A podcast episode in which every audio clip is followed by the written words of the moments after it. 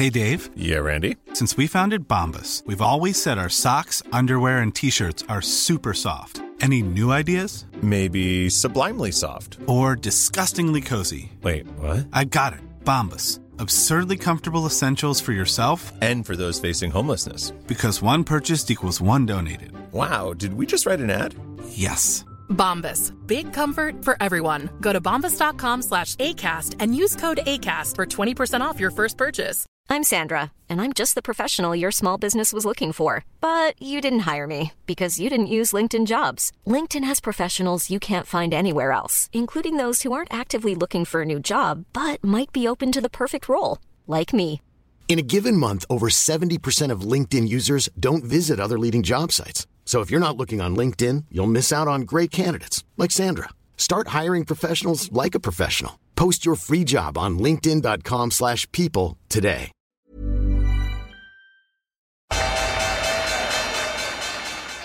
They mistook leverage for genius. Leverage for genius.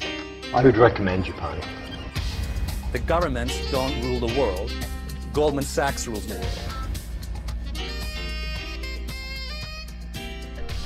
Velkommen til en ny episode av podkasten 'Tid er penger', en podkast med Peter Warren.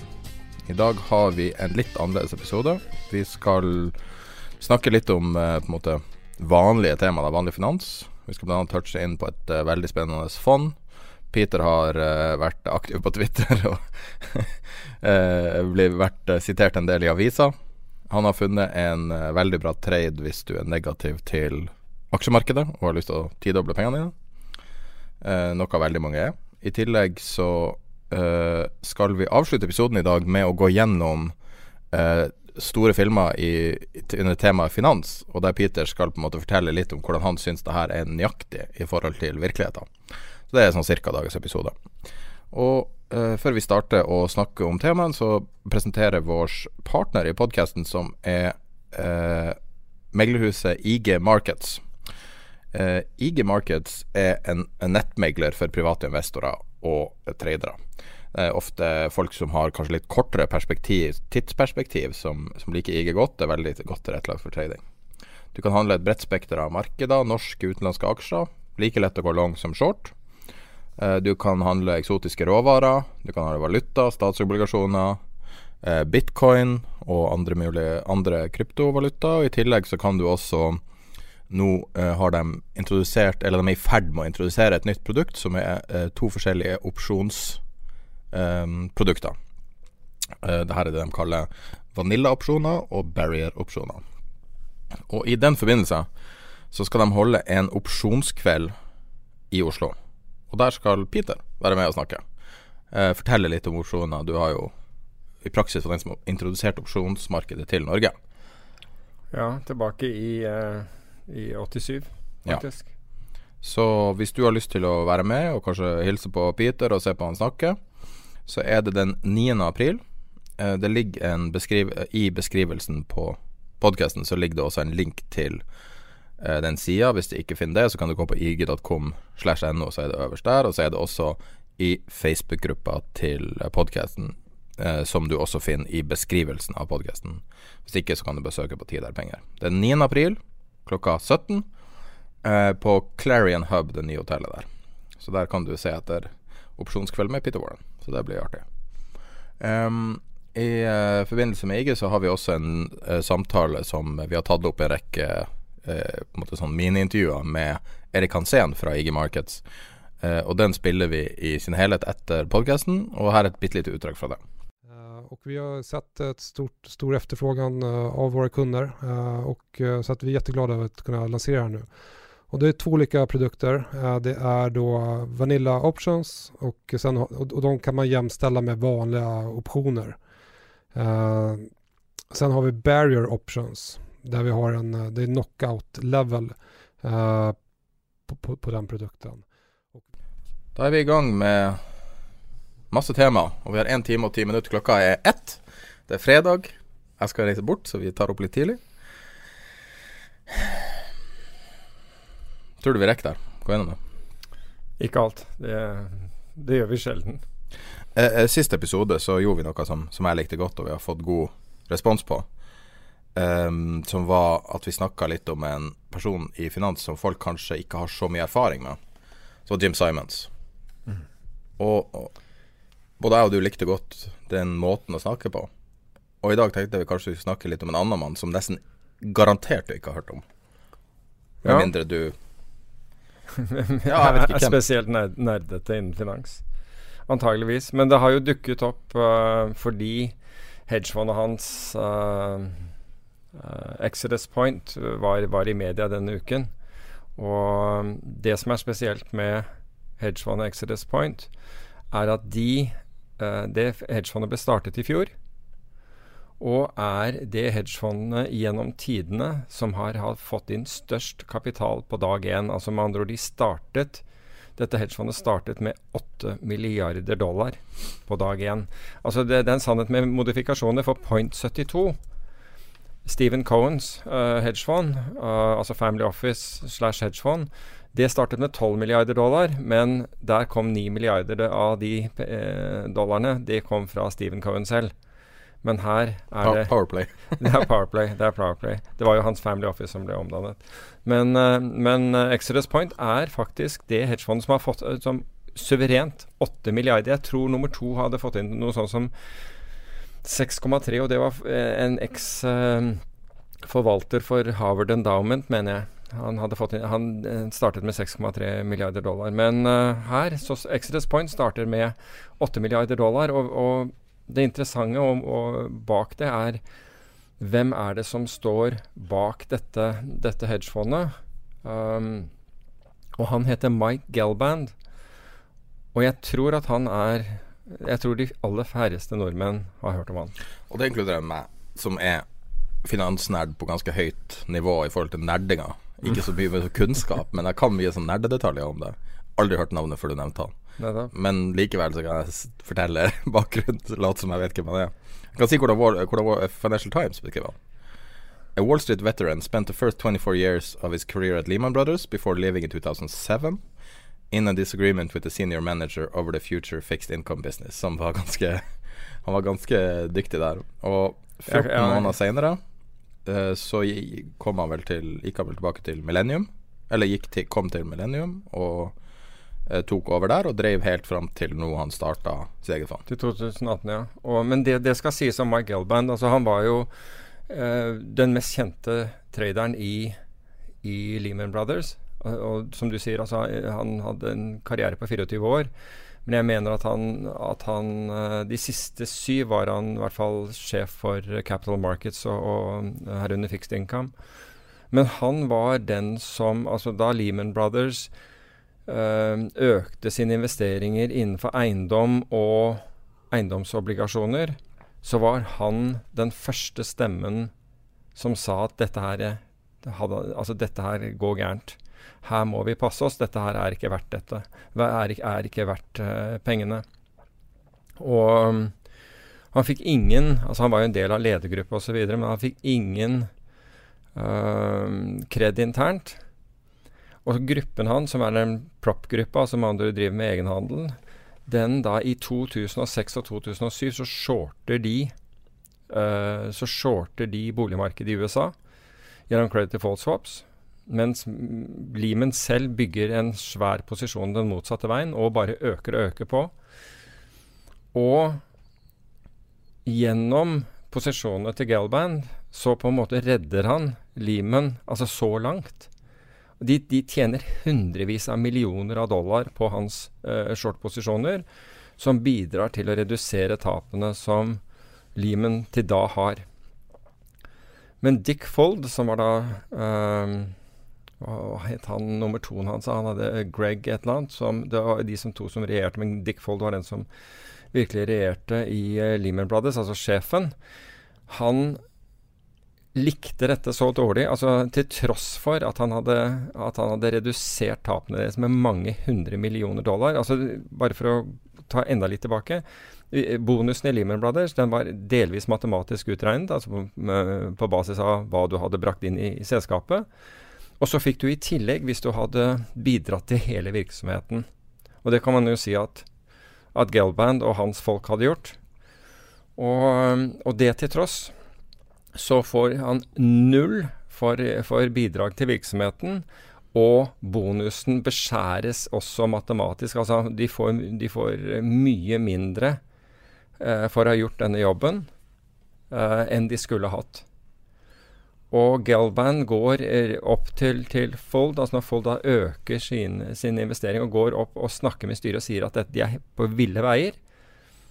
Og det ender med at han forlater. Han, altså Om han blir kastet, uh, altså sparket ut, uh, eller om han velger selv, men i hvert fall Og historien går at når, når Gelban kommer ned og, og forlater Lehman, da reiste traderne seg Han gikk gjennom alle disse dealingrommene de hadde. I samtlige dealingrom så reiser traderne seg. Alle tradere reiser seg og klapper.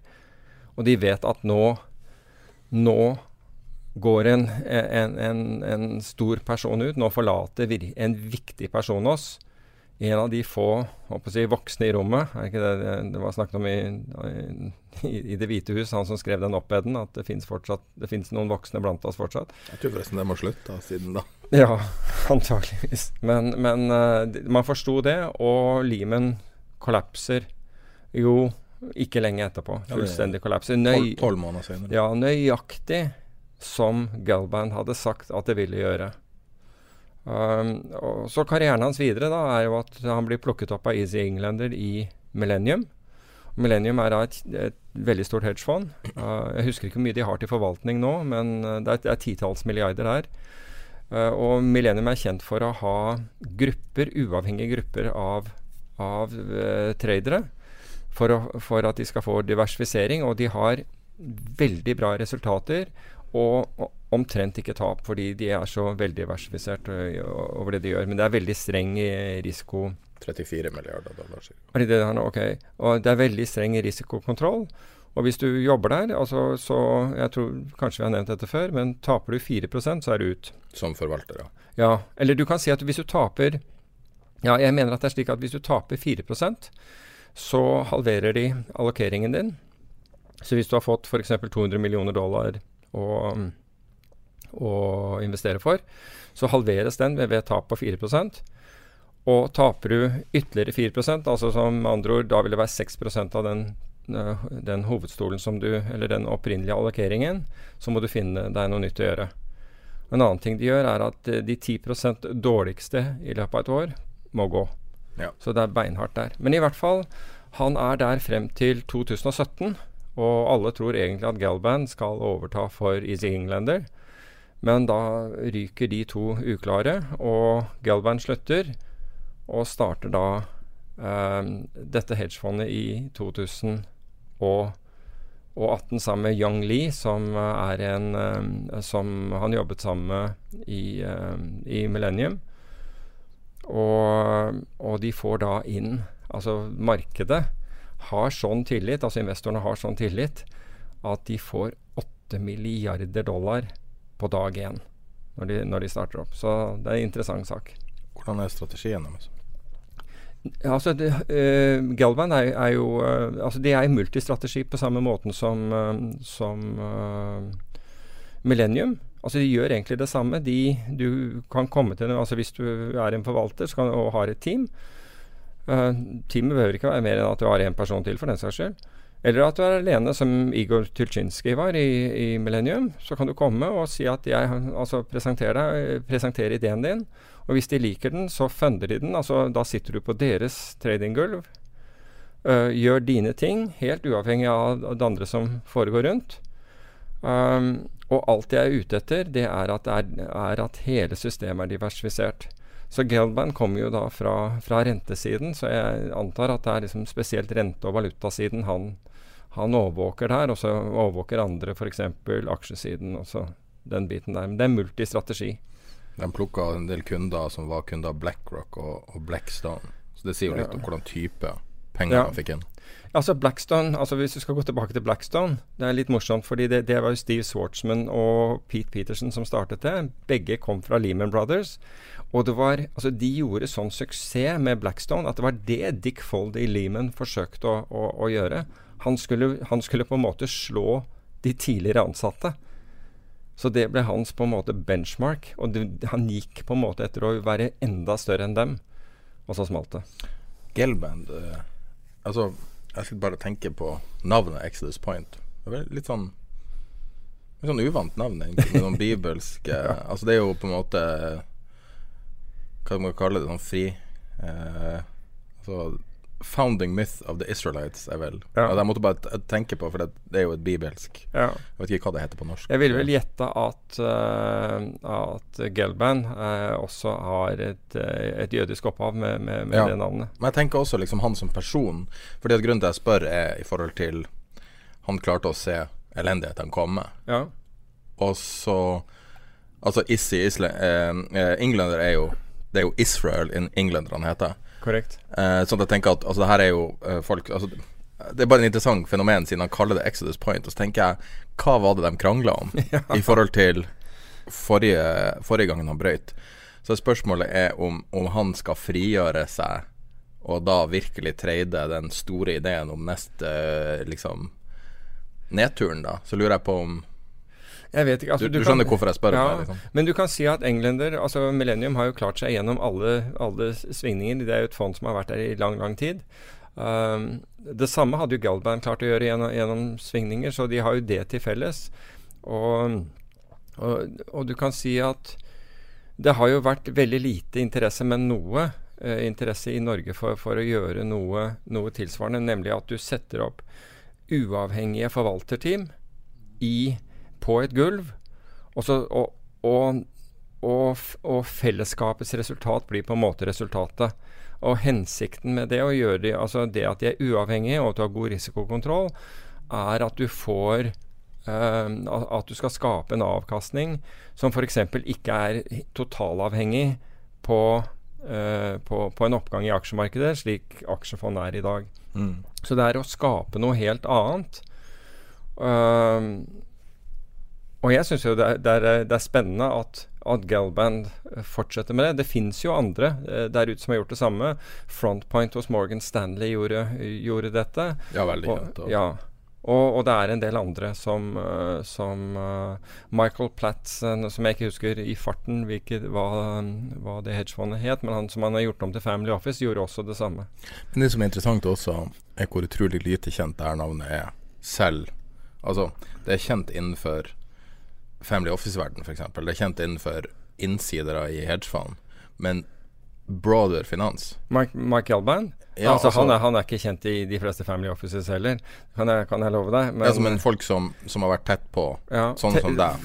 Folk som er tett på, ville være kjent. Men det er veldig spesielt at en så high performer ja. ikke er kjent i det hele tatt. Men det tror jeg også sier litt om når du leser aviser, og du leser finansavis, en finansavis, da og så ser du folkene som blir omtalt og sånn. De ønsker jo å være i avisa. Ja. Du var jo i avisa her en dag. Du skrev en blogg. Ja. Det var jo helt offentlig. Ja. Altså, du søkte oppmerksomhet gjennom en blogg, og så ble du kontakta av en avis. Ikke sant? Eller jeg hadde en mening i en blogg. Ja, så det var jo offentlig mening. Men, det, hvis du, hvis det, men det sagt, så var det, jo, det var jo faktisk flere som kontaktet, men det var kun én avis som gjorde jobben rundt det der. Fordi alle ville jo ha noe Altså, det var jo greit at de sakset. Uh, sakset fra bloggen. Det er, det er, på en måte Så lenge det er, uh, så lenge det er uh, riktig gjengitt, så er, det ikke noe problem med det. Men alle var ut, de andre var ute etter at man kom med noen sånne outrageous kommentarer på hvorfor og hva.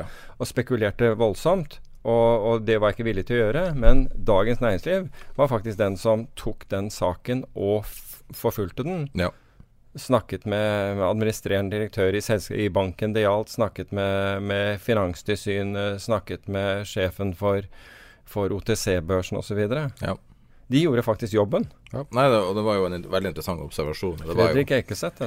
En, uh, en lytter som opprin, var opprinnelsen til, uh, ja. til og, og, Det har du skrevet i bloggen også. Ja, nettopp. Så, Så. det kom gjennom gruppa.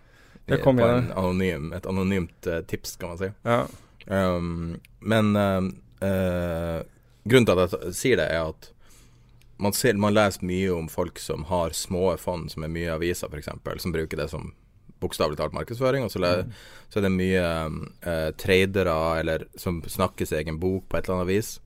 Men de virkelige, de virkelige Dem som virkelig bærer risk hver dag, har du aldri, ofte aldri hørt navnet på. Nei, det er riktig. Og, og det her er et veldig godt eksempel på Men altså, i den forbindelse så, så var det en lytter som nevnte at uh, Uh, og, som er i finans, og hadde, hadde spurt seg for etter, etter, at vi hadde nevnt vedkommende. og Det tror jeg var i forrige episode. Uh, David Shaw. Jeg husker ikke om det var forrige episode eller episoden Nei, det er, det er, noen episoder siden jeg nevnte han. Altså David Shaw som i De Shaw. Mm. Og det var ingen som hadde hørt om det heller. Nei. Så kanskje vi skal ta noe om David Shaw. Men herregud, folk hadde ikke hørt om uh, James hørt, Simons? Nei, folk hadde ja. ikke hørt om uh, Bernie Madoff. Veldig mange lyttere hadde ikke hørt navnet Bernie Madoff. Og da det, det er jo litt mer skremmende, ja. Men i hvert fall, så jeg tenker jo at vi kan jo ved en eller annen anledning snakke om David Shaw også, for han er jo også en interessant fyr. Ja, det kan jo være at vi gjør det her til litt sånn semifast innslag og touche inn på um, 10-20 minutter om mm. en kjent person. Og, og Exodus Point er et interessant fond. De var jo mye avisa nå helt i det siste pga. at de er short Rexel. En uh, et, et, fransk selskap som produserer elektronikkomponenter. Og det her er knytta til brexit, da, og da blir det mye ja. Da blir det mye baluba i, i britisk media. Herregud, brexit, altså. Men det, det, det utgjør neppe noe stor posisjon av uh, 0,52 short. Exodus point, ja nettopp, ikke sant. Så det er jo sannsynligvis i en stor trade, men så ser journalisten den ene lille aspektet, og ser ikke det andre beina av det. Ja, altså alt det andre alt det andre. Nå for øvrig kom jeg på Dick Foles nummer to. Han heter ikke Greg, han heter jo Joe Gregory, het han. Nå kom jeg på det. Dick Foles er vel kanskje en av de personene som, er, som kommer dårligst ut av alle i finanskrisa. Altså, det har ikke vært én positiv eh, En positiv eh, fasett med historien om Dick Foles, altså. Nei, altså Nei. Fremstår det, som en grådig idiot. Ja, men, og det var det de gjorde. Altså, de, de, de, tok jo disse produktene. Altså Visste jo at det var dårlige produkter. Giret det bare egentlig håpet at man skulle kunne få sendt dette videre til noen andre. Ja. Ikke sant? Altså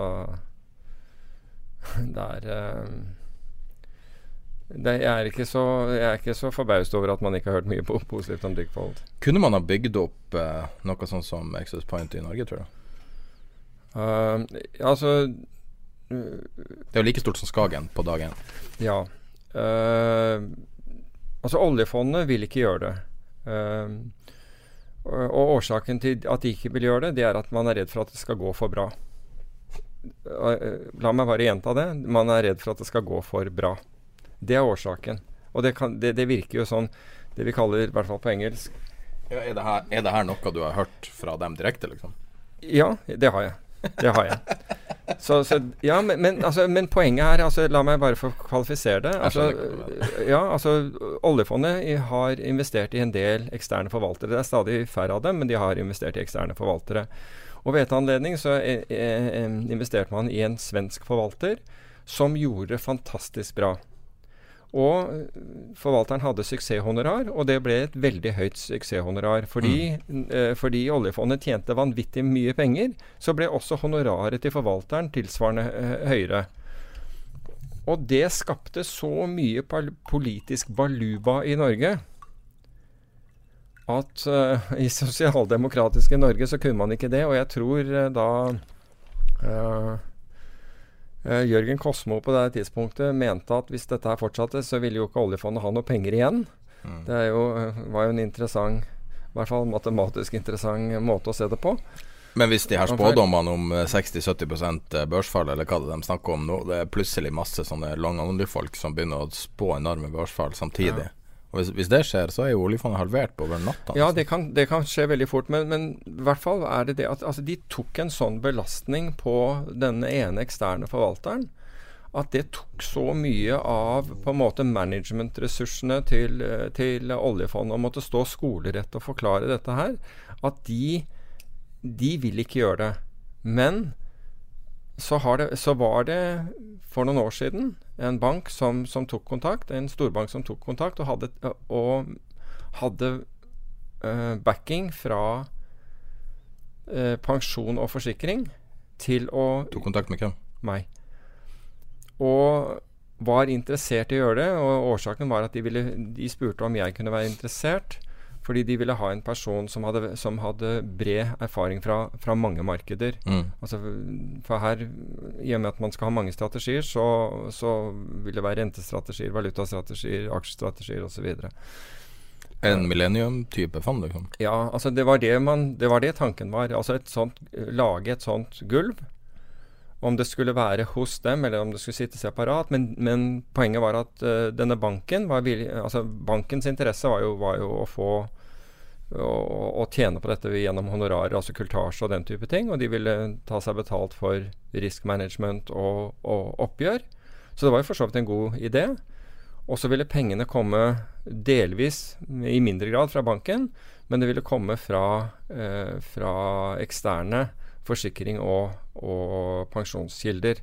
Det var, det var, liksom planen. Hm. Og det hørtes interessant Når var det her? Dette var i eh, 2000 og Altså Jeg husker ikke om det var slutten av 14, eller om det var i i begynnelsen av 2015. Så helt nylig, liksom, egentlig? Eller det, ja, det føles nylig? Da, kall det hva du vil. Begynner å bli gammel. så årene flyr. Ja. Uh, men så Men det som da, da, skjedde, var at vedkommende som var primus motor, som hadde ideen bak dette, som satt i denne banken, fikk en ny stilling. Og vedkommende som overtok dette her, var, altså hadde veldig lite interesse for det. Mm. Um, og det var plutselig så, så var, var, det forbundet med enormt mange uh, begrensninger som skulle settes og alt mulig sånn. Altså det hele, hele uh, rant ut i sanden. Jeg mistet i hvert fall interesse uh, mm. på det tidspunktet, og det er tydelig at det aldri ble noe av. Men, ja, jeg tenkte på det, for du snakker jo mye om ting som burde gjøres og burde skje. og sånn. Ja, Men altså, jeg tror at skal du gjøre noe slikt nå, så, så, så du, altså, Hvis du skal gjøre det som privatperson, tror jeg er veldig tungt. Jeg tror du må ha på en måte institusjonell backing for å kunne gjøre dette, fordi det er et ganske stort system som skal på plass. Ja alle disse ulike tradinggruppene må ha tilgang til markeder. altså Det må finnes prime-brokere, altså hele greia, altså som kan håndtere dette. Så det må være et system altså For at dette skal gå noenlunde smertefritt å, å, å sette opp, så må, så må, det være erfarne eh, erfarne institusjoner med. Hvordan ville du feeda sånne trader inn i et system? Ville du ha brukt, eh, ville du ha brukt fem prime brokere som du Altså Det blir jo feil ord, prime broker, for så vidt, men altså vil du ha brukt fem motparter for å kunne splitte opp, sånn at du, de ikke kan se hva du gjør? Nei, altså eller det er for så vidt viktig. Jeg tror nok at i, dette, i dette, tilfellet så måtte du ha flere prime-brokere. Men det er også fordi Ja, for det ville vært så stort at Ja, også fordi noen prime-brokere spesialiserer seg på enkelte ting. F.eks. den som er mest spesialisert i valuta for tiden, og plutselig har kommet opp veldig, veldig fort innenfor valuta, er Citibank de er blitt liksom den, den ledende innenfor valuta prime broking. Mm. I Skandinavia også, eller? Uh, nei, nå, nå, snakker jeg worldwide. Altså I Skandinavia jeg vet ikke hva som, hva som er Altså Fond i Skandinavia bruker jo uh, Altså Du har vel, du har vel bare Du har jo bare én prime broker i, i her, og det er SEB. Mm. Uh, og annet enn det så, så, så, brukes jo de internasjonale, altså typisk Goldman Sachs, Morgan Stanley, UBS, Barclays, den gjengen der. Usual Credit Suisse og, og og, og, flere. Så jeg tror du måtte ha flere primebrokere uansett, og det er bare fint å ha i en plattform, fordi du skal jo tross alt forhandle mm. uh, gode, gode, rater. Men primebrokeren lar deg jo bruke Altså det du gjør, at du kan jo velge de meglerne du vil bruke som ikke er primebrokere. De meglerhusene du vil bruke, de systemene du vil bruke, de bestemmer du selv. Og så gir de traden opp til primebrokeren. Så primebrokeren er den som på en måte står for oppgjøret og eventuelt finansiering hvis du trenger det. Men når jeg handlet uh, Når jeg handlet i uh, med okay, Bank Bilbao eller noe sånt nå, okay. så, så, var det en give-up til Morgan Stanley. Så Bank Bilbao ville da face Morgan Stanley for, for oppgjøret. Men du hadde vel Barclays, var det ikke det? som Jeg hadde også, jeg, jeg, jeg hatt Morgan Direkte. Stanley jeg har, hatt hatt uh, Barclays, jeg hadde Morgan Stanley, vi hadde Bear Stearns, tro det eller ei. uh, men vi var uh, som, som prime broker, så jeg har, hatt, jeg har, hatt, en rekke prime brokers gjennom tiden. Det er vel Morgan Stanley som er størst, størst På ett av fondene hadde vi, så mener jeg at vi hadde, da hadde vi SEB. Morgan Stanley var i hvert fall størst. Um, etter finanskrisen er jeg ikke sikker på hvem det er som er, om, om, det er de som fortsatt er størst, største, eller om, om Goldman er. Men så, så, du kan si du er ikke tvunget til å bruke Jeg håper jo at du, din. at du blir kontakta på ny av noen. Ja, det, det, det har vært utrolig artig å se det her ute i praksis. Ja, og det ser du jo nå med Exodus Point. Du ser, og du har sett det med Millennium. Hva vil du ha kalt fondet? Hva sier du? Hva du ha kalt fondet, da? Nei, det aner jeg ikke. Det aner jeg ikke. Jeg tror ikke det ville vært opp til meg heller, for den saks skyld. Fordi altså, i dette tilfellet Det må ja, ha men et tøft navn for å være Altså I det setupet som var, var tiltenkt, eller påtenkt, så, så, så var ikke det Altså jeg ville ikke eid det fondet. Altså det fondet eh, ville vært eh, Ville sannsynligvis denne banken på en måte ha registrert. Mm. Altså min rolle ville jo være Var jo på en måte å overvåke det som Ja. Det, at, at det var, Managing, liksom. Ja, managing, ja, managing the risk og, og, og, og, systemet. Ja. Så det var det som var tenkt Du, jeg har sett en idiot på Twitter som driver sitter og fyrer ut ting i hytt og pine. Norwegian stuper på mandagen som kvartalets viktigste avrundingsdag. Sannsynligheten for at noen forsøker å løfte kursen, bør være høy. Uh, siden uh, Jeg vet ikke om du har sett han der karen? Nei, jeg tror, ikke, jeg tror ikke det. Men altså, vi er altså, Peter har sittet og kasta Ja, men hør her. Altså, la, ja, men la Ok. La, Norwegian er ned siden da. ja. Ja, og, ja, men jeg tror den Den er skal 44,89. Ja, men eh, den er tung å holde. Altså, den har, vært, den har vel vært så vidt under 44, har den ikke det? I løpet av dagen? Ja. Nei, 44, 10 tror jeg. Okay. Men kan Men- du forklare Nå klokka eh, halv to Ja. på fredagen. Ja. Men kan du forklare hva det er, hvorfor det er viktig, hva det er som er viktig, og hvor, hva er Maginot-linja deres? Ok, la, men la oss eh, si hvorfor denne dagen er viktig. Jo, fordi det er siste dagen i måneden. Med andre ord, månedsresultatene for, for fond blir fastsatt på basis av dagens kurser. Det vil si at de tallene som kommer i avisene, og som kommer til investorene, er de tallene er avkastningstallet altså for mars. Det er basert på det som skjer i dag. Ok? Derfor er det viktig. Og det er ikke sjelden vi har sett aksjer eh, bli flyttet oppover på en dag som, som, eh, som dette, hvor de plutselig får en oppgang i, i, på, på slutten av dagen. Men ikke bare det. Altså Dette er jo double witching, fordi det er kvartalet Det er, det er, det er utgangen av, eh, av, eh, av de første tre månedene av året. Og det er også viktig. ikke sant? Altså Hvordan, hvordan ser tallene dine ut for måneden? Hvordan ser de ut for, for kvartalet? Og Derfor så er det faktisk viktig. Så det er hvorfor denne dagen er viktig. Og den er ikke bare viktig for Norwegian, den er viktig generelt. Altså den er viktig for markedet. Altså Hadde alle ligget short, så hadde du liksom sett press til nedsiden. Når alle ligger long, så ser du gjerne litt press, mer press til oppsiden eh, enn ellers. Sånn er det bare. Mm. Så har du den, eh, det med 48, altså eh, ma- Maginot-linjen, altså den forsvarslinjen på, på, på 48 som ble brutt. 48 sammenfaller med der, eh, der hvor gavepakkene ble tildelt i Norwegian. Vil si at når Kjos og Kise, begge med Bjørn som fornavn, Mm. de solgte en god del tegningsretter med betydelig rabatt. Og det angivelig skulle vært gjort for at de ville få vennlige investorer, altså vennlige aksjonærer. Altså det skulle bli gjort til aksjonærer som ville støtte dem. Dette, altså Jeg kan bare si angivelig, fordi når du så listen over hvem som hadde fått dem, så var det typisk ganske kortsiktige investorer. Mm. Um, Det sto i DN også, at man ønska seg lange penger og fikk korte penger. Liksom. Ja, men da, altså hva var det som gikk galt der? For meg så så det ut som noen hadde smurt sine beste kunder med, med, med kjempebillige eh, tegningsretter. Og husk på, at du fikk da kjøpt de som eh, satt på disse tegningsrettene i forhold til hva kursen var når, når eh, disse ble tildelt da, til disse menneskene. Så altså, kursen var da 15 kroner pluss 33 kroner som var emisjonskursen, blir 48 kroner. ok? Det som da, dette skjer mens aksjen handler omtrent 10 kroner høyere. Mm. Så de får en fantastisk gavepakke. Og det er, ikke, det er ikke ulovlig å gi bort gavepakker. Men jeg må jo si at jeg lurer på kriteriet for den tildelingen når det da havner hos, eh, hos investorer som har utpreget seg ved å, å være kortsiktige. Da, da, Det er jo dem, altså det er jo det gamle. ja, men altså igjen så, så altså, Hvis Kjos sier altså Enten så er Kjos sin eh, intensjon feil. Altså han sier at eh, altså enten så, eh, ja, det, er, det er jo merkelig når han sier at han skal ha langsiktige investorer. altså Hvorfor ikke da gi det til Folketrygdfondet? De er jo eh, største investorer. Hvem? Ja, ja, men hvorfor ikke da gi Altså, du kunne gitt det til, du kunne gitt det til pensjonskasser. Du kunne gitt det til Kirkens Bymisjon, for den saks skyld. Altså, det, det hadde jo vært en mål og mening med. Hm. Altså, å, å, å gi Du kunne gitt det til, til altså, filantropiske forhold, eh, formål. Altså, du kunne fått anledning til å kjøpe slike tegningsretter, men isteden så går det til, til til, til kortsiktige investorer. Be that as it may. Det er ikke noe Det kan være en strategisk pengeinnsamlingsstrategi. Ja, At det følger med andre penger pga. de pengene, f.eks. Noe som igjen 100 lov, er helt greit, ja, ja, men, men, men poenget, poenget mitt her er, er at det er altså, I forhold til hva som ble, ble sagt, og i forhold til hva som ble gjort, er, det er to helt forskjellige ting.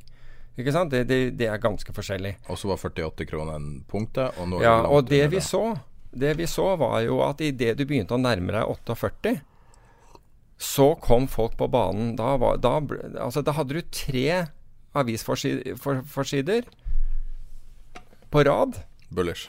som var positive til, til Norwegian. Og 48 holdt som Maginot-linjen gjorde i, eh, eh, i, i Frankrike en kort, per, en kort Nå skal man si at. Maginot-linja var vel omtrent den dårligste eh, sånn krigsoppfinnelsen. Eh, Og det har det vist å være, være i, den, i, i dette her òg, for til slutt så brøt det. ikke sant? Til, til, uansett hvor mye man pumpet og sa noe En av investorene sa han skulle opp 50 og, liksom kjente investorer gikk på banen, og dette Her kjøpte man med begge hendene. Og bom! Så, så brøt vi 48, fikk den opp igjen og lå tynet ned. Og i dag så, så detter man gjennom det nivået så det holder. Så i dag så tenker jeg at det er i hvert fall Det er noen som er mindre enn fornøyd. Men hva er det som har skjedd med din Twitter-konto? Hvorfor er du så mye ute og Nei, det har vel ikke skjedd noe med den. Det er, bare av og til så er altså, Jo, men av og til så ser du ting. Du leser ting om morgenen og tenker herregud. Det går en faen i det, liksom?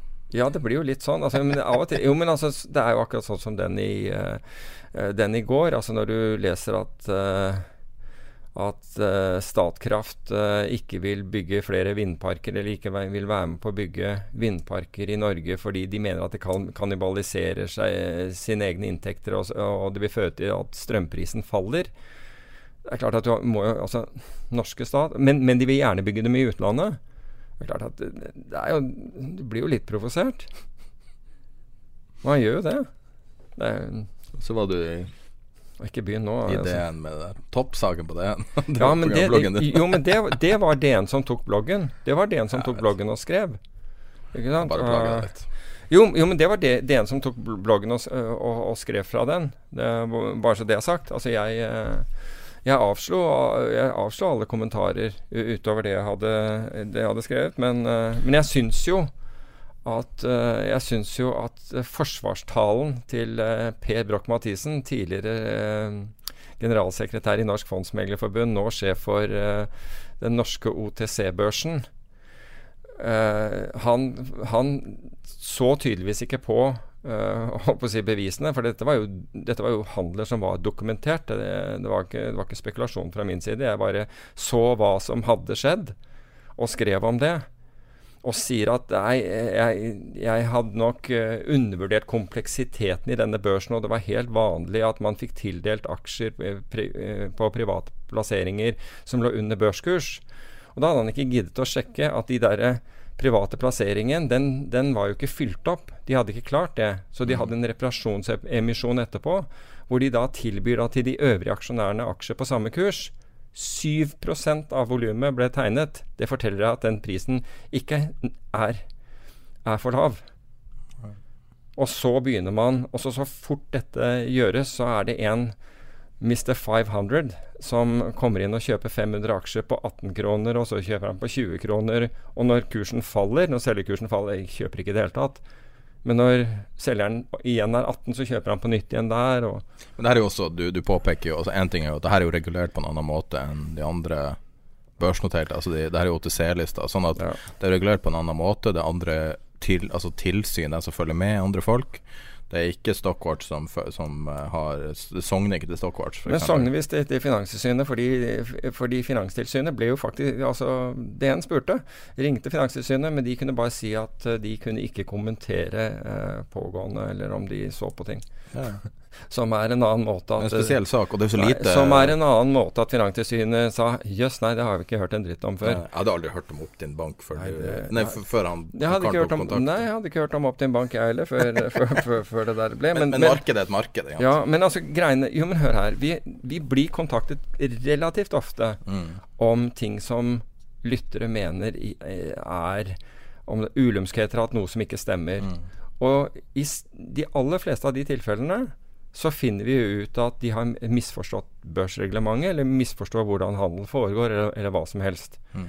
Ikke sant? Blant annet i valuta, at, at kan avvike, kursene kan avvike fordi det er ulike markedsplasser skal ikke avvike kjempemye, men det kan avvike ja, noe. Og derivater er det mye misforståelse av prising ja, på referanseindekser og faktiske Men denne her var veldig grei, og, og takket være informasjonssystemet. Jeg gikk jo bare rett og slett inn på, på Infront, og så så jeg på hvor disse handlene hadde foregått. Mm. Og det var jo helt riktig det vedkommende sa. Ja. Og når jeg da leste børsmeldingen, var, da leste jeg børsmeldingen når det gjaldt emisjonen. Og da var det også helt riktig det vedkommende hadde sagt. Ja. Og alle tall stemte. Så, og det, det var kan vi ta en um, En synser som alltid har synsa mye om Oslo Børs, alltid har blitt hørt veldig mye på. Om man er enig eller uenig i hva han sier, er likegyldig. Men han sier noe nå. Han, uh, Peter Hermanrud First, jeg vet ikke hva det er, om han er i Svebank nå, eller hvor han er. Men uansett. Peter, nei, han, er, han er vel i Sparebanken Markets, tror jeg. Tror det. Ja. Uh, Peter Hermanrud og en annen, jeg husker ikke hvem det var, har gått ut nå nylig og sagt aksjer er dyr, spår 40 korreksjon ja. som er ganske voldsomt. Det er voldsomt. Og du har eh, Vi snakka rett før vi starta, så sa du at du uavhengig av hva Hermarud har sagt Men la oss si at du er enig med han.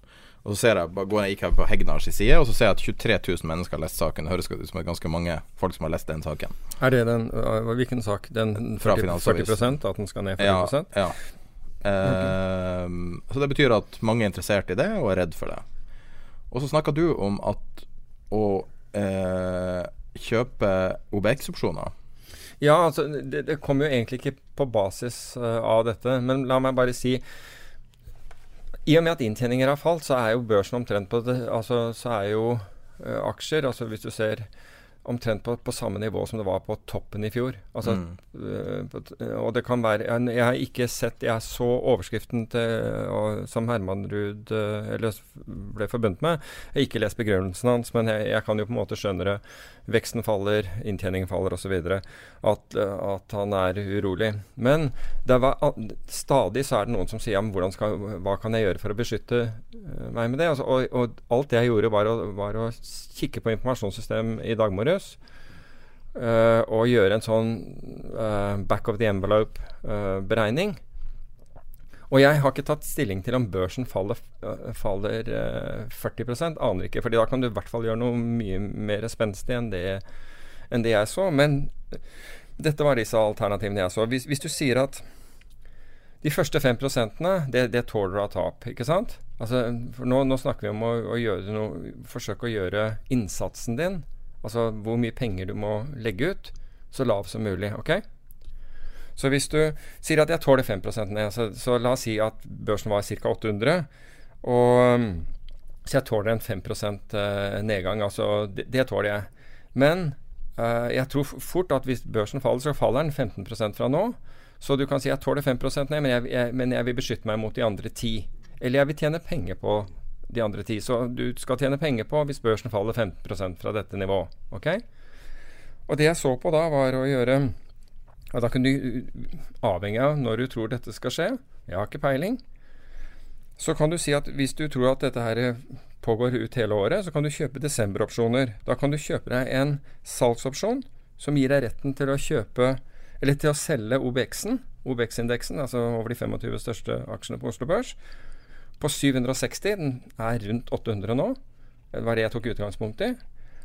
Og så gir du fra deg, så selger du en salgsopsjon som gir andre retten til å, å, å, å Eller da du tjener penger på intervallet mellom 760 og 680. Så du kjøper en salgsopsjon og utsteder en annen salgsopsjon.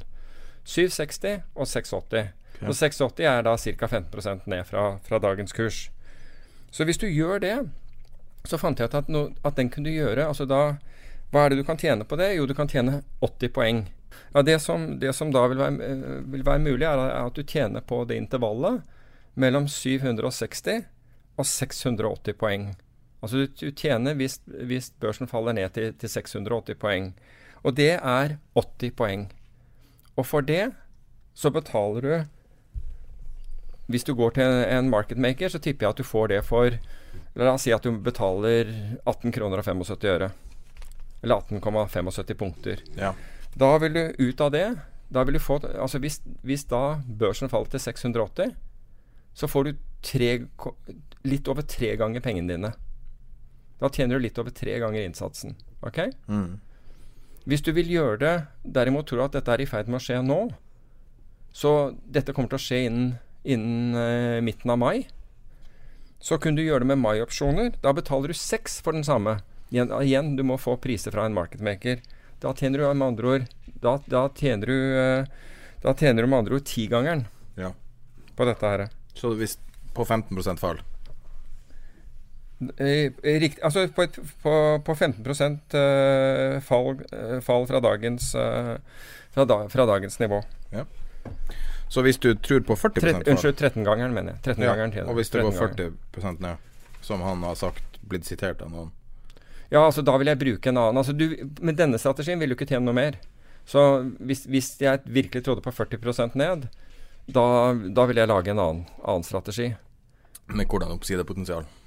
Ja, Det kommer an på hvilke vi gjør, men øh, altså det jeg måtte ta øh, altså, for, for å gjøre det, så måtte jeg både, både se på resonnementene hans, fordi det For når og hvordan dette her skal skje, for å kunne lage noe som er på en måte skreddersydd ut ifra det. Ja. Men det Min erfaring med det er å forsøke å ikke være for for kirurgisk. Fordi da skal det så lite til at én liten ting som ikke skjer, kanskje La oss si den 40% men, men den, den skjedde enten mye tidligere eller senere enn du trodde.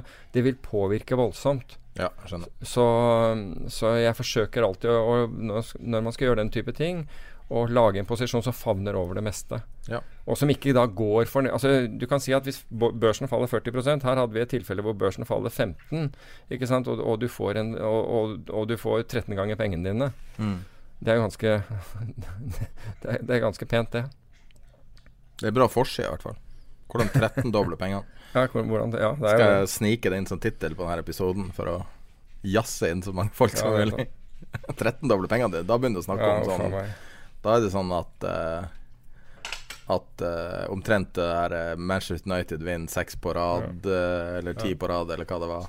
Da har du kanskje 13 dager. Jeg så forresten nå, eh, fordi jeg, I hodet mitt så kalkulerte jeg med, med 60 Men det er selvfølgelig 80 poeng, så da er det over eh, Altså i den desember-opsjonene, hvis du får de på 1875, så er det jo fire og en kvart ganger pengene dine. Ikke som jeg sa, tre et eller annet. Ja. Det er regnefeil. Men da skal vi prøve et nytt innslag. Og Da må jeg nesten be deg sette deg på den andre sida av bordet, sånn at vi kan se på skjermen i lag. Skal vi flytte mikrofonen din? Er du klar? Sett deg ved stolen der, bare.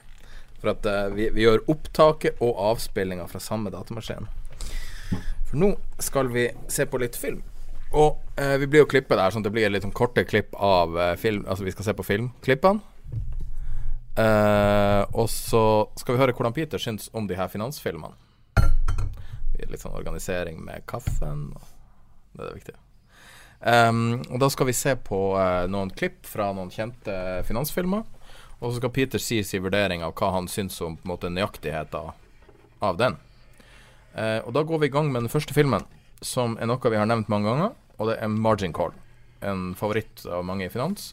Og en av grunnene er at finansen på en måte er så riktig. Eh, det det ryktet har. Så jeg er litt spent på Vi har et ganske trangt studio. Hjemmesnekra trangt studio. Sånn. Flytter vi mikrofonen din litt. Du trenger ikke iPaden. Da er du klar? Jeg er klar. Så da starter vi med første filmen. Det her er da tradingscenen 1 time og 26 minutter ut i um, uh, margin call. Should be on your screen. I just sent it. Jeg, 96 on the dollar. jeg husker jo den scenen her. Ja, den er faktisk bra. Det her er når de skal dumpe, dumpe alle papir. Ja. Den er faktisk eh, Well, today's moving day. Den er eh, Think they tell me anything? Den er bra autentisk. Today, my loss is your gain. Now you're a friendly, so I come to you first. I got 270 mil, 15 a year, paying out a point and a half of buck par. Where's it from? Where's it from? Do you care? No, not really. Now, where's the trade? I'm hearing things, Alexis, and you guys are I'm scaring only me. of- sharing this with you right now. 85. Done. Hvor stor er den trenden? Jeg hørte ikke hva, hva det nominelle var. Men altså det er, Fuck det er, you, you limey bastard. Ja. Den, er, den er 85% av, uh, av volumet han ba om. Så det er volumet hans ganger 0,80 0,85. Well,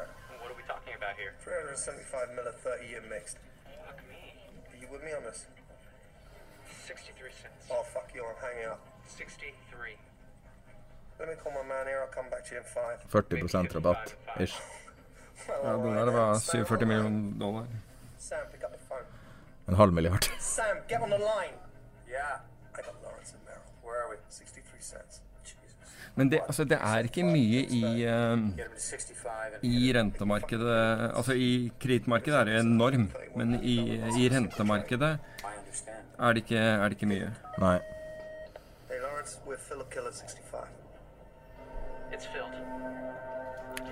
Fill or kill er Ja, enten gjør det, eller så blir ordren borte. Altså så er ordren borte. Eh, så får du den ikke. Så det var to minutter, den uh, uh, Og det er jo en, en, en Men- scene som er Men altså, den, den scenen her er, har de hatt hjelp til, altså helt klart fra folk i finans. For den er, den er Det er sånn det Altså, det de sier er riktig, og, og, Altså, slengen er riktig, alt er, er riktig med den. Neste film er en gammel klassiker. Vi hopper over uh, Big Short, for jeg tror jeg snakka nok om den i episoden. Du kan bare se hele filmen, den er dritfett. Ja. Um, neste er Wall Street. Det gamle Wall Street. Nye Mm. tror jeg vi skipper glatt. Men um, uh, her er vi 43 minutter ut. Og her er det, ser vi litt av det ka kaoset som er på en trading floor.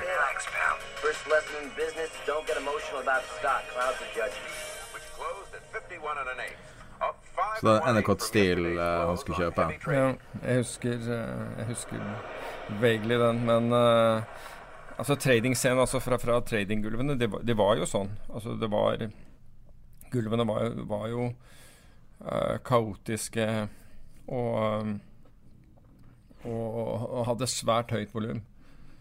Men sånn som det her blir framstilt, at de har en sånn spesiell kode de ringer inn til Wall Street Journal, eller hva det er, og så sier de eh, eh, så sier den den koden, og nå skal du kjøpe en koordinert Hvor, tror hvor nært tror du det her er virkeligheten? Jo, altså, du har jo et eksempel fra virkeligheten, og det var Libor-riggingen. De brukte jo koder på akkurat samme måte.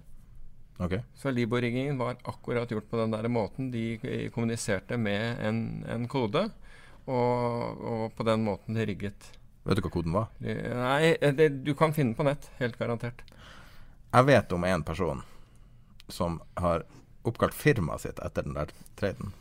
Var det Anacott Steel? Nei, Ja, for det, men- det var det jo faktisk Men han har eh, oppkalt firmaet sitt etter den mest kjente svindelen, og det syns jeg alltid var så rart. Okay. Hvorfor vil du liksom assosieres med det? Jeg vet ikke, men det var en nord norsk finansmann som uh, kalte sel selskapet for Anacott Steel.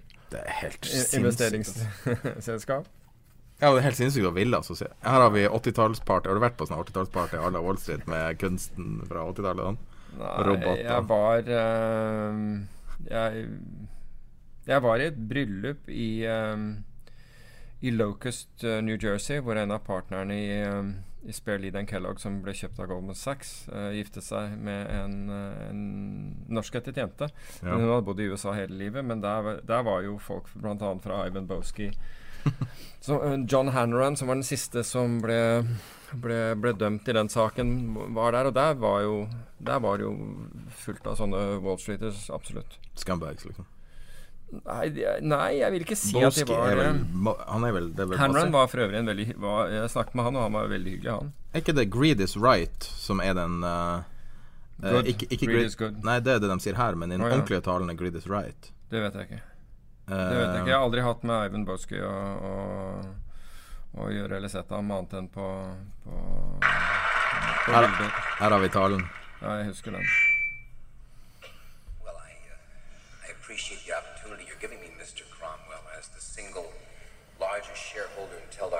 speak. Well, ladies and gentlemen, we're not here to indulge in fantasy, but in political and economic reality. America, America has become a second-rate power. Its trade deficit and its fiscal deficit are at nightmare proportions. Now, in the days of the free market when our country was a top industrial power, there was accountability to the stockholder. Jeg liker at i salen så er det sånn her ufattelig average average Joes som tydelig har arva de her aksjene.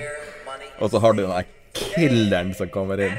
Det er jo som å se Norske Skog, liksom. Teldar Paper. Malfunctioning Corporation. Men syns du det her er Altså, er det her nøyaktig, og så kommer han med greed is, greed is good og greed is right og alt det der? Ja, det, jeg vet ikke, jeg. jeg Men sånn som en sånn generalforsamling som det her er, liksom? Var altså, generalforsamlingen jeg husker av, av betydning, det var den uh, Kosmos generalforsamlingen i, uh, i Sandefjord. Da, da Blystad-brødrene prøvde å Da på 80-tallet, ja. Ja. Det er den ene, og den var jo oppsiktsvekkende i seg selv. Men, uh, men det er den eneste. Ellers så har jeg ikke deltatt på, på noe særlig en generalforsamling. Nei.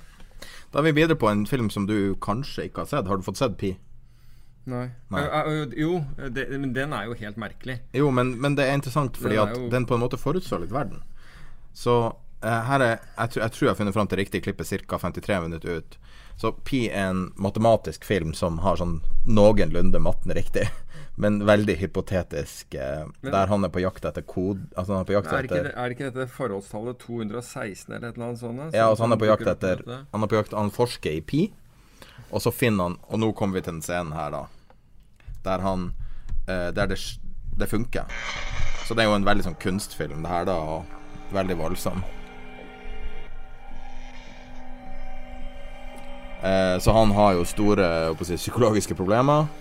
Besvimer på doet. Og så, når han kommer ut til datamaskinen sin, så har forskninga i Pi spydd ut et tall på 264 siffer, eller hva det er.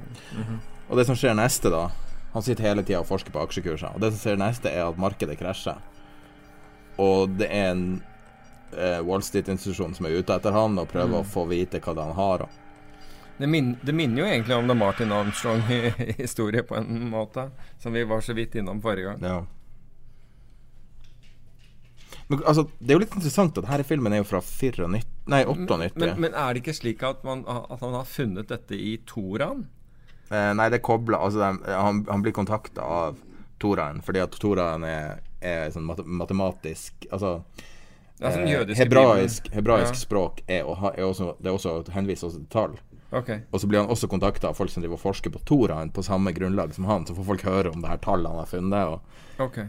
men det jeg syns er interessant, er at jeg føler at han på en måte forutså litt kvantene. Hmm. Men på en helt sånn jalla måte, da. Jeg husker, så nå sitter han er og ser på aksjemarkedet, ja. Når er, fi- er eh, 98. Mm, ja, du hadde jo kvanter i 98, ja, men, men ja. Men er det sånne her kvanter jobber der de er sånn torturerte genier som barberer seg hodet og til slutt eh, gjør eh, forferdelig selvskade for å bli kvitt? Ikke i dag, tror jeg. Altså, i dag, altså, du er jo kommet til et uh, punkt i, på en måte, i historien hvor, hvor det er kvantene som regjerer. Ja. Og hvor liksom the flashy traders av, eh, av 80- og 90-tallet og, og tidligere enn det, de, de er borte. Ja. Um, Eller som noen kaller det, går ikke an å handle pga. roboter. Ja. Nå er det jo eh, Ikke sant, så eh, det, det, Jeg tror ikke at liksom, Kvantene i dag sitter ikke inne i skap og, og, og ser ut som maniacer. De er jo på en måte For det er det det her fremstiller. Ja, altså i dag, fremstiller som en ja, helt altså er, person. Vi er i kvantenes på en måte tid. Ja. For all del. Denne filmen her har jo også sånn uh, When I was a child, my mother told me not to stare into the sun, and once when I was six, I did. Og da fikk han det matematiske geniet. Så det, altså, det er ganske, det er ganske Ja. ut på vidden. Ja, litt. Um, men så kan vi gå videre til uh, en skikkelig klassiker. Der du var vel uh, Du var vel i Chicago når det her skjedde, omtrent? Trading Places. Med, den, ja. Så nå, nå er vi da Eddie Murphy, som er et naturlig har naturlig forståelse for uh... Men den, det, er jo bare en ren komedie, den. Nei, men det er ikke det. At Jeg vet at de er på børsgulvet ved en Ja, av et er de- anledninger, men uh... Nei, nei, men nå er altså det, det er jo eh, den crop reporten. Mm. De er opptatt Altså, de er på uh, i Chicago, Trade Futures. Og det er jo riktig at crop reporten er veldig, veldig viktig. Ja. Eh, og her er de på toget der de prøver å få tak i crop reporten. Og akkurat Mhm. smugla den ut. Og, men det er jo, altså, det er jo skikkelig 80-tallskomedie, og det er liksom ei, ei ape som er løs på toget. Og, og så, men vi skal gå inn på gulvet her nå Fordi at det de her to eh, eh, rikingene skal gjøre, er å corner the market. Ja. Også en reell ting. Nymex-gulvet. Gamle Nymex-gulvet. 83 er det her. Jeg syns de get pretty close. Ja, altså dette her er, ser jo ut sånn som de gjorde. Dette er jo sikkert fra og autentisk opptatt fra gulvet, dette her. Og så bruker de faktisk tid på Det, du vet hvor det lå? Hvor i Chicago? Jeg har vært på den. Nei, nei, den er ikke i Chicago engang. Ah, ja. Comics lå i New York. Den lå i World Trade Center. Men jeg trodde det var i Chicago. Jeg var helt sikker på det var Chicago. nei, nei. CME og CBOT er i Chicago. Og CBOE. Har du vært der i det siste? Hvor? Ja, på, på det, dem to? Det Nei, siste? nei. For jeg var for noen år siden. Ja, ja. Det var trist. Det det var dinosaurer. Ja, nå er jo, ja, ja, nå er det jo upstairs trading på Så nå begynner tradinga, da. Og der eh, eh, Mortimer Når alle står stille før tallene Her har du de her eh, rikingene som har vedda én dollar om det her. Klokka ni. Det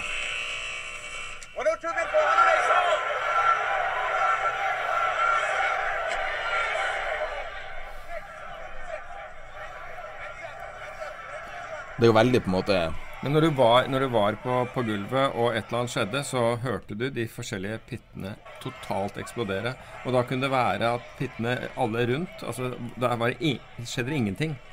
Men i den ett sted så vil du bare Se her nå. Her ser du jo. Frontrunning. The Dukes are trying to run Eller know something. Og det er jo akkurat det du har snakka om, at man kan Det her var gamle frontrunninger. Altså gamle Ja, men, men her frontrunna man Ja, nettopp. Ja, man ved å- ved å- frontrunner du fysiske signaler. med-. Ja, nettopp. Og så byr de opp, byr opp, Mm. og de vet at crop reporten eh, snakker om Men mange forsøkte å frontrunne Altså, du hadde de som tradet for egen konto, og det var de aller fleste der nede. Og så har du da traderne som, eh, som fyller for meglerhusene, altså som Ja. jobber for meglerhus. Og de fikk jo sine, sine kjøps- og, og, og salgsordre via håndsignaler Mm. fra folk som sto utenfor pitten. Så hvis du sto der inne og var smart, så, så du Altså så leste du fort de der håndsignalene, for du så hva, Altså du trengte ikke å, å, å gjøre annet enn å studere håndsignalet som ble gitt fra en på telefonen. Ja, og og hva da, hva da traderen hans gjorde, ikke sant? Ja. om han kjøpte eller solgte. Og neste gang du så det håndsignalet, så skrek du da 'kjøp eller selg'. Litt raskere enn han andre. Altså Ja. du var mer på. Så Men det de gjør her, var jo at de lot dem kjøpe opp til 142. Mm. Og de satt og venta på 142. For de hadde eh, smugla Altså gitt dem en falsk crop report, Aha. og så begynner de å selge. Og, og alle er kjøpere av dem. alle, alle er feil vei. Ja. Det er som alle andre markeder. Hvis, hvis Og så ser du jo også til hvor fysisk det her var. Veldig. Og veldig piktoresk. Så hvis du skal lage film, så er det her perfekt. Men det, det var vel i, ikke på denne børsen, men i en av Chicago-børsene hvor en eller annen kar brakk ribbein. Altså mot et re Fordi de hadde begynt å sette opp rekkverk for, å- for, å, for å um, redusere denne trengselen. Og det tok flere timer før, de klar, før paramedics klarte å få dratt den ut. det, da er det voldsomt. Men det tror jeg var i 87 hvor, det, hvor, hvor den hendelsen skjedde. Det her er jo også veldig god måte å vise det løll før, før markedstall. Nå kommer rapporten. crop estimates for the next year. Jeg vet ikke om det er på denne måten at det er en Den gangen Jeg jeg husker ikke. Jeg, tro, jeg trodde liksom det sto Det kom på Reuters, liksom. Ja. Jeg, jeg kan ikke huske at det,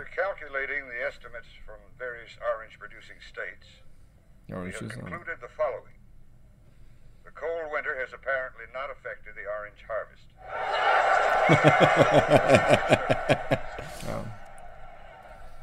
Og der reagerer markedet ikke bare på spekulativ handel, men også Og dem sitter monstershort nå. Ja, ja.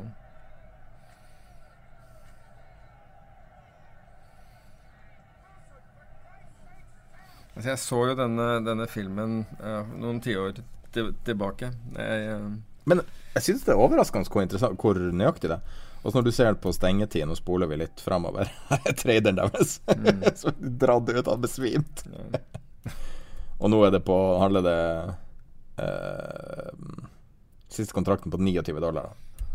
Hvor mye har de tjent på det her, tror du? Skal jeg gjette.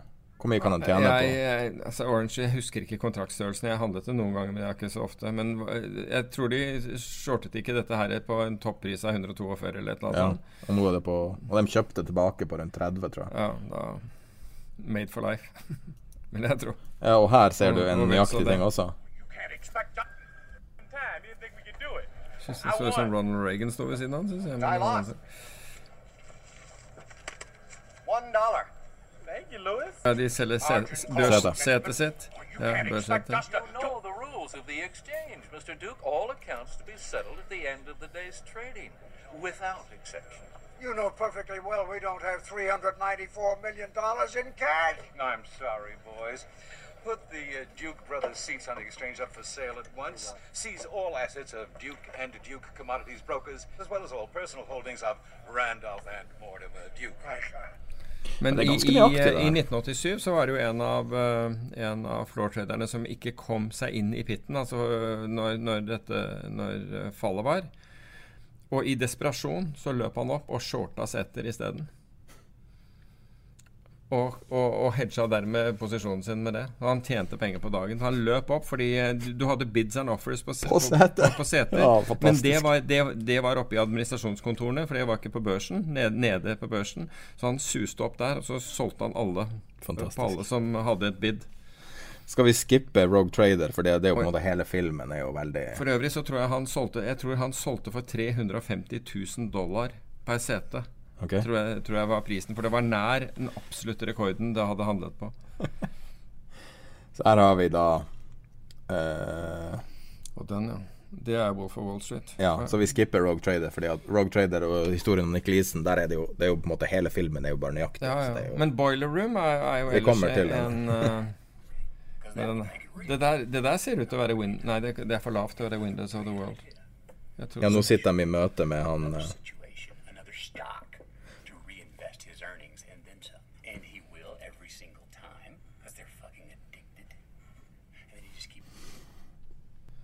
Ja, ja. men uh, den er ikke det, hva heter det? Altså, Alabalium eller noe sånt noe. Bare en kraftig versjon av det. Men den, den scenen Altså, jeg er i Midtøsten og ser den Når han går ut av huset? Nei, da, ja, den- den scenen når- den slår inn. Ja. Og jeg lo så jævlig på det. Altså, jeg lo så at jeg måtte få noen til å bestille mat for meg. Men jeg bare pekte jeg, det, var den der ut Insane morsom. ut er til bilen. den er eh, Det er en bra scene. Det kan gjøre deg frivillig. Jeg elsker det. Når han klatrer bort til Lamborghinien. Det er så herlig 80-talls. Ja. ja.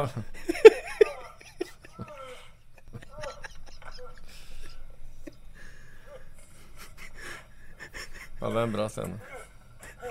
Så inni en Lamborghini må jo selvfølgelig være en Lamborghini. Ja, men jeg tror nok eh, akkurat, den, akkurat den biten, den, det tror jeg. Men ellers så tror, tror jeg ikke mye av det som han Belfort sto for, skal forher- forherliges. Nei, det altså, så- Skal vi se, nå har vi litt dårlig tid, så vi må Men- Peter men- har en men- hard out i dag. Ja, men den som, den som heter Boiler Room, den er, det, altså, det, er, det er mange sånne foretak som det. Altså, som uh, JT Marlin, som ja, han heter. Altså, ja, sånn ren pump and dump for, for, uh, foretak. Og, og dessverre så har du hatt sånne i Norge også, og har fortsatt, uh, for alt jeg vet. Men det skal sies er at regelverket Der skal jeg gi uh, uh, tilsynet uh, kred. Altså det, det, det er altså, At man har skjerpet regelverket. Og nå gjør det Altså nå må man Altså nå følger det ansvar med å, med å Altså nå og straffeforfølgelse hvis, Ja. du, hvis du lurer mennesker. Men det her er jo på en måte Altså det er jo rent salg, det her. Det er ingen Ja, ja. tanker annet enn Nei, det, er- det er ikke det. Altså, ingen, kan noe. Men vi, vi har hatt sånne foretak. Uh, ja. Da er vi straks Kan jeg få lov å vise deg siste klippet? Rekker du et siste? Jeg, jeg må være på en conference call med USA om 18 minutter. Og, Ja, ja. Men du kan jo ha mobiltelefon. og, nei, jeg kan ikke det, for jeg er nø, faktisk nø, nø, nødt til å ha okay. dokumentet oppe. Slutten på Rollover. Det er en film som kanskje mange ikke har hørt om. Eh, som er fra 1980. Mm. Og da er det meltdown når Når markedet slutter å fungere, ja. Men hvis jeg kan altså jeg, Det er første gang jeg har sett den nå. Og, og det den handler om, det er jo altså Bortsett fra at det er, et, det er en bank som uh, tydeligvis uh, har hatt svære tap og skjult dem, men, men de, det er at da OPEC-land trekker, eller antatt, trekker pengene sine ut av markedet, Mm. Og hvis det hadde skjedd på det tidspunktet og altså, tidligere og på den måten, så, så ville det nok ha, ha, medført en altså det, det dreide seg om så mye petrodollar som var i, i, eh, i, markedene, i finansmarkedene, at det hadde nok blitt en kollaps. Det hadde ikke tørket helt ut, men det ville, ville blitt en total kollaps i, eh, i markedene med, med effekter på i alle finansmarkeder. Aksjer, selvfølgelig obligasjon, renter og, og, ja. og, valuta. Det minner meg litt om husker du filmen China, China Syndrome? Som kom ja, rett før ja, uh, Three Mile Island. Og det var jo det atomkraftverk som løp løpsk. Ja, jeg husker den. Det er en bra cautionary tale. Der, altså. Ja, den, bra, altså, den var bedre, bortsett fra at det er en sånn der romantisk story fra, ja, fra 80-tallet. Bare gå helt på slutten. Så um, And now for continued coverage from around the world. A statement was issued from the OPEC meeting today that the leading oil producing nations would resume oil exports as soon as the international monetary markets have stabilized. The panic has spread across political and philosophical boundaries. The USSR and the developed Eastern Men det er liksom eh, den framstillinga av markedet er bare en interessant en. Nå, nå var det noen filmer vi missa her, men det var nå litt for å få bare snakke om noe eh, en litt annet innfall.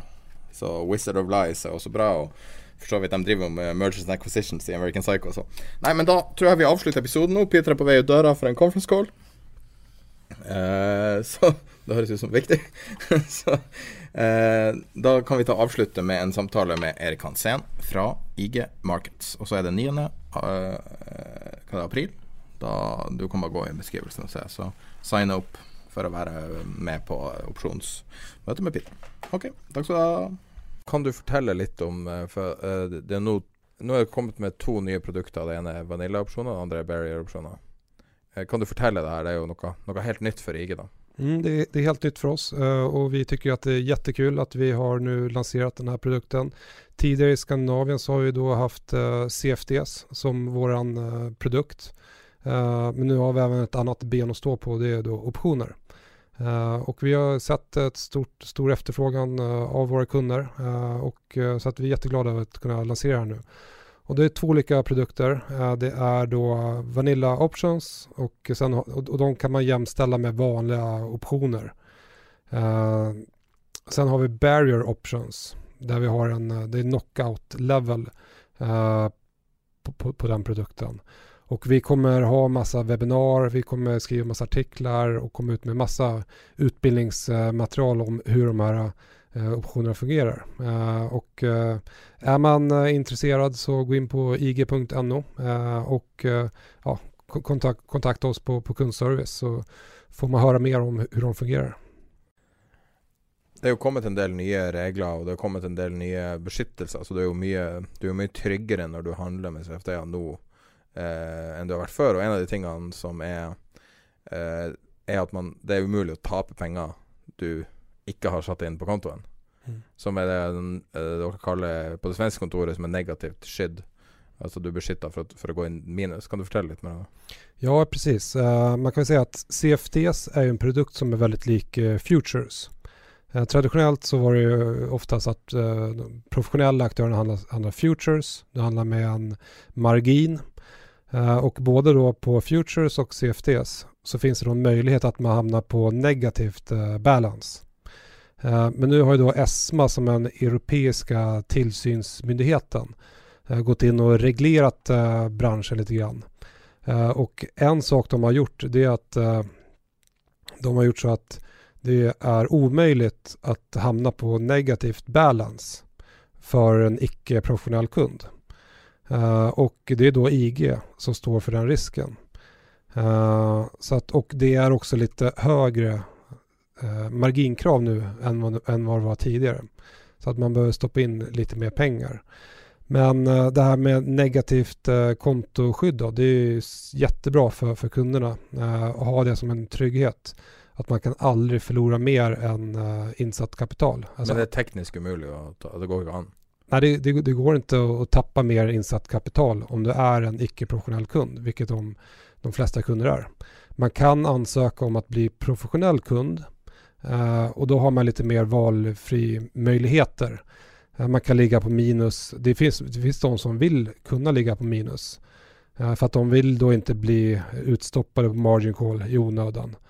Ehm, och de kanske också vill ha lite högre leverage, eh, professionella kunder. Men for en ikke-professionell kund som er då majoriteten er det veldig trygt å just ha det negativt negativt balanseskyddet. Eh, og veta at de aldri kommer tappa mer enn innsatt kapital.